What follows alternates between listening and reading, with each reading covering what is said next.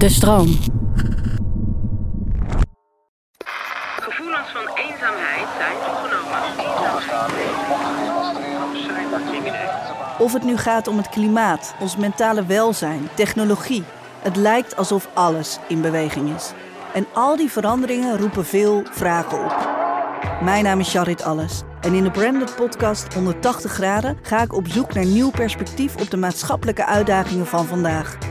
Luister nu in de NRC Audio app of op je favoriete podcastplatform. Gevoelens van eenzaamheid zijn toegenomen.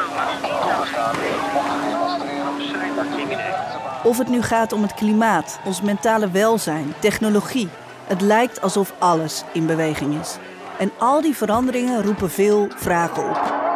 Mijn naam is Charit Alles. En in de Branded Podcast 180 graden ga ik op zoek naar nieuw perspectief op de maatschappelijke uitdagingen van vandaag.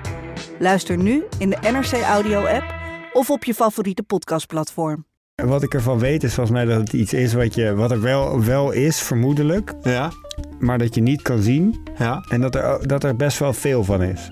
Ja, nou, dan, dan kom je al heel eind inderdaad. Nou, dat is toch bizar?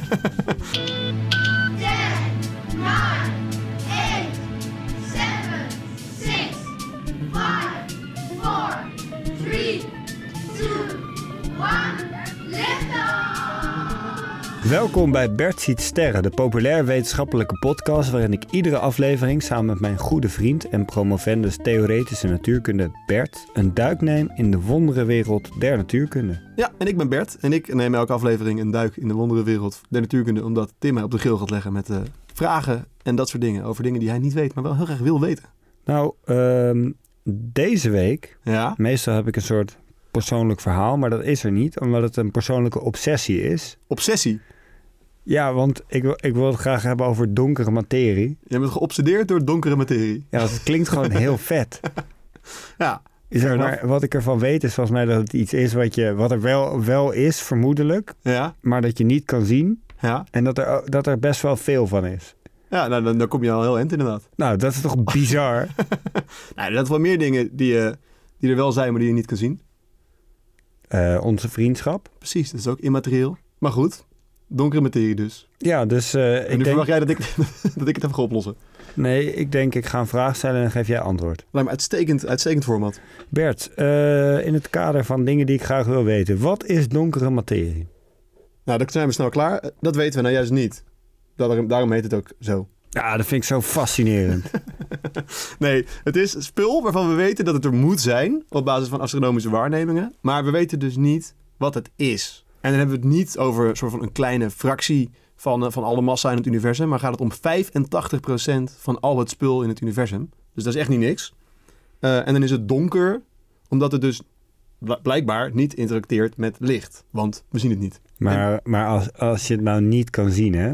Ja, eh, en je kan het ook niet vastpakken. ja, En je kan het niet ruiken. nee. En je kan het niet horen. Mhm.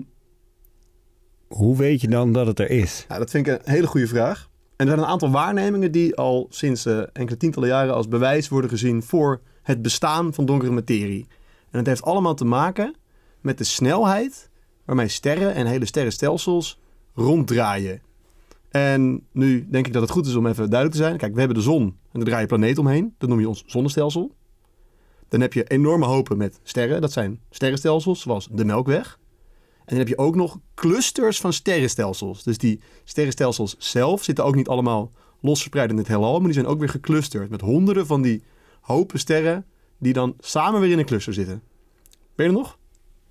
Ja, ik zoek even naar een metafoor. Ja, dat is toch jouw specialiteit. Dus ik, eh, Dus we hebben krenten, dat is de zon met ons als planeten die daaromheen draaien. mhm. Dan hebben we krentenbollen, wat eh, meerdere sterren zijn die bij elkaar horen, zoals de Melkweg. precies. En dan heb je dus ook nog verzamelingen van melkwegen, Sterrenstelsels. wat je je kunt voorstellen als een zak met krentenbollen. Bollen. Precies. En wanneer we astronomische waarnemingen doen aan de snelheid waarmee zowel dus de sterren aan de rand van een sterrenstelsel zoals onze Melkweg bewegen, maar ook de snelheid waarmee die sterrenstelsel zelf eh, aan de rand van clusters van sterrenstelsels bewegen. Dus in beide gevallen draaien de sterren in een Melkweg of in een sterrenstelsel draaien om een centrum heen. En die clusters van sterrenstelsels die draaien ook om een bepaald centrum heen. En in beide gevallen zou je verwachten dat de, zeg maar, dan zien we dat het meeste massa, dus het meeste licht, want dat is hoe we het zien, zit in het midden. En je verwacht op basis van hoe wij zwaartekracht begrijpen, op basis van onze zwaartekrachtswetten, verwacht je dat de snelheid waarmee die dingen aan de rand draaien veel lager is dan in het midden, omdat al die massa in het midden zit. Dat zou je verwachten, maar dat zien we niet. De snelheid waarmee zowel de sterren in een sterrenstelsel draaien aan de rand, als de, clust, als de sterrenstelsels in een cluster van sterrenstelsels, dus de snelheid waarmee de krenten aan de rand draaien en de snelheid waarmee de krentenbollen eh, om, een, om een kern heen draaien. In beide gevallen is die snelheid veel te hoog voor hoeveel ma- massa we daar zien. Dus ehm, we hebben nu een begrijpelijke metafoor voor iets wat krankzinnig groot en abstract is. Inderdaad. En jullie natuurkundigen zijn dusdanig overtuigd van je metingen dat je dan niet denkt, hm, misschien hebben we verkeerd gemeten, maar dan zeg je nee, het moet donkere materie zijn. Physical fun fact. Eh, de term donkere materie is voor het eerst gebruikt door een Nederlander, de Groningse astronoom Jacobus Kaptein in 1922. Dat was wel in een heel andere context dan nu, moet ik erbij zeggen. Hij liet wel zien dat je onzichtbare massa kan opsporen door naar de beweging van sterren te kijken. Maar het probleem van donkere materie, zoals we dat nu kennen, dat komt pas uit de jaren 70. Maar nog even terug, hè? Ik moet hier trouwens wel even bij zeggen, eh, dit heb ik niet zelf bedacht. Een collega van mij die, eh, heeft vijf jaar van zijn leven besteed aan het promoveren op de geschiedenis van donkere materie. Eh, dus vandaar dat ik, ik wil deze fun fact ook even aan hem toeschrijven. Misschien moet je hem even noemen ook. Jaco heet hij. Jaco Wie, Jaco de Zwart. gepromoveerd theoretisch natuurkundige. Ja, of gepromoveerd wetenschapshistoricus. Weet heel veel van shit die je niet ziet. Exact, dat is zijn specialiteit. Maar toch nog even terug naar die... ehm, dankjewel Jaco, even eer wie ere toekomt. Maar waarom ben je zo overtuigd van die metingen? Nou ja, omdat je... Omdat dat, omdat dat klopt. Oké, nee, prima. Ja. Dus, eh, dus dan moet er donkere materie zijn. Nou, ja, dan is het in ieder geval zo dat het dus... eh, of, dat zou ik dan meteen eh, de manier om naar te kijken... of er moet dus meer massa zijn, omdat anders kunnen we niet verklaren waarom die sterrenstelsels en die sterren aan de randen zo snel draaien. Want dat zou- volgens hoeveel massa we zien niet kunnen. Of er is iets mis met hoe, we, hoe wij zwaartekracht begrijpen. Eén van de twee opties. En in het ene geval zeg je dan, dus er is meer massa, donkere materie. En in het andere geval zeg je, oké, zwaartekracht, hoe wij zwaartekracht begrijpen, klopt niet. En daar moeten we iets in aanpassen. Hoe kom je erachter uiteindelijk welke van de twee het is? Dus of het om donkere materie gaat of om andere manier van zwaartekracht begrijpen? Ja, dat is een goede vraag. En uiteindelijk zal er één van de twee met doorslaggevend bewijs moeten komen wat de, de natuurkundigen accepteren. En in het geval van donkere materie wordt er wel heel erg veel gezocht. Ehm, ben je nog wel eens in Italië geweest onlangs, Tim? Eh, ik ben vorige zomer in Italië geweest en dat weet jij, want je was daarbij. Oh, goeie. Eh, ah, heb je plan om binnenkort nog een keer terug te gaan? Eh, nee. Dat zeg je wel heel overtuigend. Ja, ik, Of overtuigd. ik heb niet zo heel veel met Italië. Ik vind het mooi, maar ik vind de mensen ontzettend ingewikkeld. Ingewikkeld. Aardig. Eh, fucking druk en chaotisch en het is één grote tyfusbende daar. Nou, nou, nou. Ik bedoel... Ben je wel eens in Napels geweest? eh, nee. Nou, dan eh, weet je niet waar je het over hebt. Nou ja, ik ga dacht, je moet ook niet naar de grote stad gaan. Zeker niet in de zomer, want dan is hij sowieso leeg. zijn er alleen maar toeristen.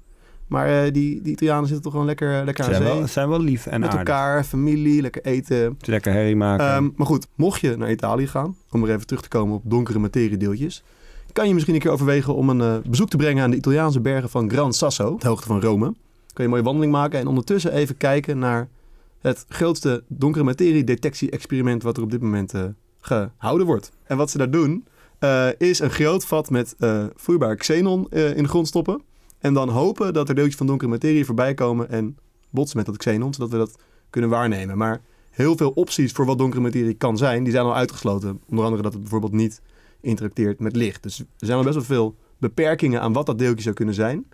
En nou, er worden eigenlijk door dit experiment worden er steeds meer opties uitgesloten. Dus het is zeker niet gezegd, of ik verwacht zelfs dat het niet gevonden gaat worden daar. Maar dat is een van de dingen die je dan doet. Hopen dat je zo'n donkere materiedeeltje voorbij ziet komen. En ondertussen zeggen, dit is het niet en dat is het niet en dat is het niet en Ja. dat is het niet. Het is geen aardbei, het is geen druif, het Ja, is geen steen, het is geen fiets. Maar het zou nog wel dit kunnen zijn, of dit kunnen zijn, of dit kunnen zijn. En dan hoop je dat het op een gegeven moment gaat lukken. En dit is dus de, zeg maar, plan A om erachter te komen wat we met donkere materie moeten. We denken aan dan, donkere materie is een deeltje. En op basis van theoretische verwachtingen gaan we dat proberen te detecteren. Zoals in de bergen van Gran Sasso. Aan de andere kant eh, heb je een andere eh, mogelijkheid, plan B. En dan zeg je, donkere materie is helemaal geen deeltje. Sterker nog, donkere materie bestaat helemaal niet. En in plaats daarvan klopt onze theorie van de zwaartekracht gewoon niet volledig. Dus die moeten we aanpassen. Dat is de andere optie. Want de optie C, we moeten terug naar de, de rekentafel, die is er niet. Nou ja, dit, dit is in zekere zin een beetje optie C. Behalve dat je wel zegt, terug naar de rekentafel op basis van wat we zien. Dus dan zeg je, eigenlijk draai je het om. En je zegt, oké, we nemen aan dat die waarnemingen van hoe die sterrenstelsels in die clusters bewegen, dat die kloppen. Maar ja, blijkbaar moeten we dus een andere manier vinden om onze zwaartekrachtswetten te maken. eh, waardoor je dan die wetten weer kloppen met wat we zien. Dat noem je in het Engels modified gravity. Eh, in het Nederlands zeg je gewoon, ja, aangepaste zwaartekracht. Dat is ook een manier om dit te beschrijven. Denk jij dat het, dat het bestaat, donkere materie? Nee, ik denk zelf eigenlijk van niet. Ik denk zelf dat er eh, een nieuwe manier gaat komen om zwaartekracht op dit soort kosmologische schalen te beschrijven. Waardoor we uiteindelijk ook kunnen zeggen wat er, waarom we die donkere materie dan wel waarnemen op dit moment. Is wel minder leuk. Ja, ik zit, ik zit te denken, ja, jij bent eh, super enthousiast over Ja, het donkere is toch materie. vet dat er, dat er 85% van de materie in het, in het heelal, dat we niet weten wat het is, zodat we het niet kunnen zien. Dat klinkt toch leuker dan, ja, we moeten gewoon, je hebt zwaartekracht A en zwaartekracht B. Nee, en samen dan- dan- zorgt het voor krentenbollen in de zak die Je draaien. kan natuurlijk niet zomaar zwaartekracht A en zwaartekracht B maken. Want ook binnen de natuurkunde wil je natuurlijk dat het allemaal consistent is. Ook met dingen die we nu weten. Dus dan stel je eigenlijk voor dat we een compleet nieuwe manier van het universum beschouwen vinden. Waarin donkere materie een natuurlijk onderdeel is. Dat is ook heel vet. Maar ik krijg de indruk dat jij gewoon... eh, Je wil gewoon donkere deeltjes vinden. ja, jij hebt zoiets van... Ik, Ik ga toch wel naar Italië, denk ik. om te zoeken. Weet ik in de tussentijd eh, genoeg over donkere materie om de lift in te stappen? Ik denk van wel. Eh, ik ben benieuwd of je dit een beetje goed voor het voetlicht weet te brengen in, in je pitch. Maar ik heb wel wat nodige erover verteld. Dus aan mij heeft het niet gelegen vandaag. Eh, het ligt eigenlijk nooit aan jou, krijg ik een beetje het idee. Nou, ik kan ook wel zelf kritisch zijn, maar ik ben niet, ik ben niet vals bescheiden. Je bent, eh, je bent zo'n goed mens, Bert. Goed, ik eh, start mijn supersonische sportswatch. En dan hebben we het over donkere materie. Donkere materie is iets wat tot 85% van alle materie in het heelal uitmaakt. Maar we kunnen het niet zien, dus we weten niet wat het is. Vandaar de naam donker, want het interacteert niet met licht. Dan is de vraag, hoe weten we dan dat iets er is wat we niet kunnen zien? En dat komt door berekeningen aan de snelheid van sterrenstelsels. Dat zijn eh, clusters van sterren waar allemaal planeten omdraaien, omheen draaien. En die draaien met z'n allen weer om een kern heen. En die vormen enorme structuren in de ruimte.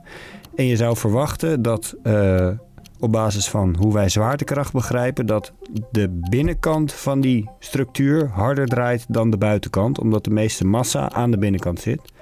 Dat is niet zo, dus is de veronderstelling, misschien is er wel heel veel massa die we niet kunnen zien in die buitenste regionen, waarom ze zo hard draaien. Dan is de vraag, ehm, hoe gaan we dit oplossen? Hoe proberen we erachter te komen wat het wel is? Eh, dat kan op twee manieren. In Italië zijn ze bezig met een enorme bak met xenon, waar dan wellicht misschien ooit een donker deeltje in waargenomen wordt. En eh, de meer georganiseerde mensen op deze wereld zijn bezig met eh, berekeningen aan zwaartekracht. Die zeggen donkere materie bestaat niet. Dus we moeten terug naar de tekentafel in ons begrip van zwaartekracht. En dan komen we tot een nieuw begrip van zwaartekracht waarin donkere materie niet meer nodig is. Ja, inderdaad, ik vind wel dat je een beetje eh, onnodig grievend doet tegen Italianen. Want dat uh, deeltjesdetectie-experiment daar is heel goed opgezet en georganiseerd. Ze hebben een bak Ze sluiten... met vloeibaar Nou ja, spul. dat het een simpel experiment is, betekent niet dat het wa- warrig is. Hè? Ze zijn gewoon heel erg goed bezig met alle opties uitsluiten van wat donkere materie als deeltje zou kunnen zijn. Oké, sorry tegen alle Italiaanse luisteraars die we hadden en waarschijnlijk na deze aflevering niet meer hebben. Ehm, jij gaat wel graag naar Italië, toch? Ik ga heel graag naar Italië. Wat ik bijvoorbeeld leuk vind, als je daar op het terras zit, dan, eh, ver- dan nemen ze gewoon aan dat je daar blijft zitten. En dan gaan ze je ook niet elke kwartier of elke 20 minuten een nieuw drankje aansmeren. Dan kan je gewoon zo anderhalf uur zitten en gewoon een beetje in de zee staren. Nou, dan ken ik nog wel leuke horecatentjes in Amsterdam hoor, waar je ook straal genegeerd wordt. Als je dat een leuke horeca-ervaring vindt, dan kan ik je zo nog tien tenten aanraden. Thanks, maar daar, eh, daar bedank ik vriendelijk voor, Tim. Goed, eh, dit was Bert Ziet Sterren voor deze week. Hartelijk dank voor het luisteren. Wil jij voorkomen dat de afleveringen Verloren gaan in 85% missende materie van het universum. Dan klik je op volgen in je podcast-app en dan komen onze afleveringen gewoon in je brievenbus terecht. Zeker weten. Daarnaast, geef ons een recensie. Geef Bert iets sterren sterren. Laat ons weten wat je ervan vond. Stel een vraag via... Bert ziet sterren at de-stroom.nl. Voor Ja. nu, hartelijk, dank voor het luisteren en tot de volgende ster.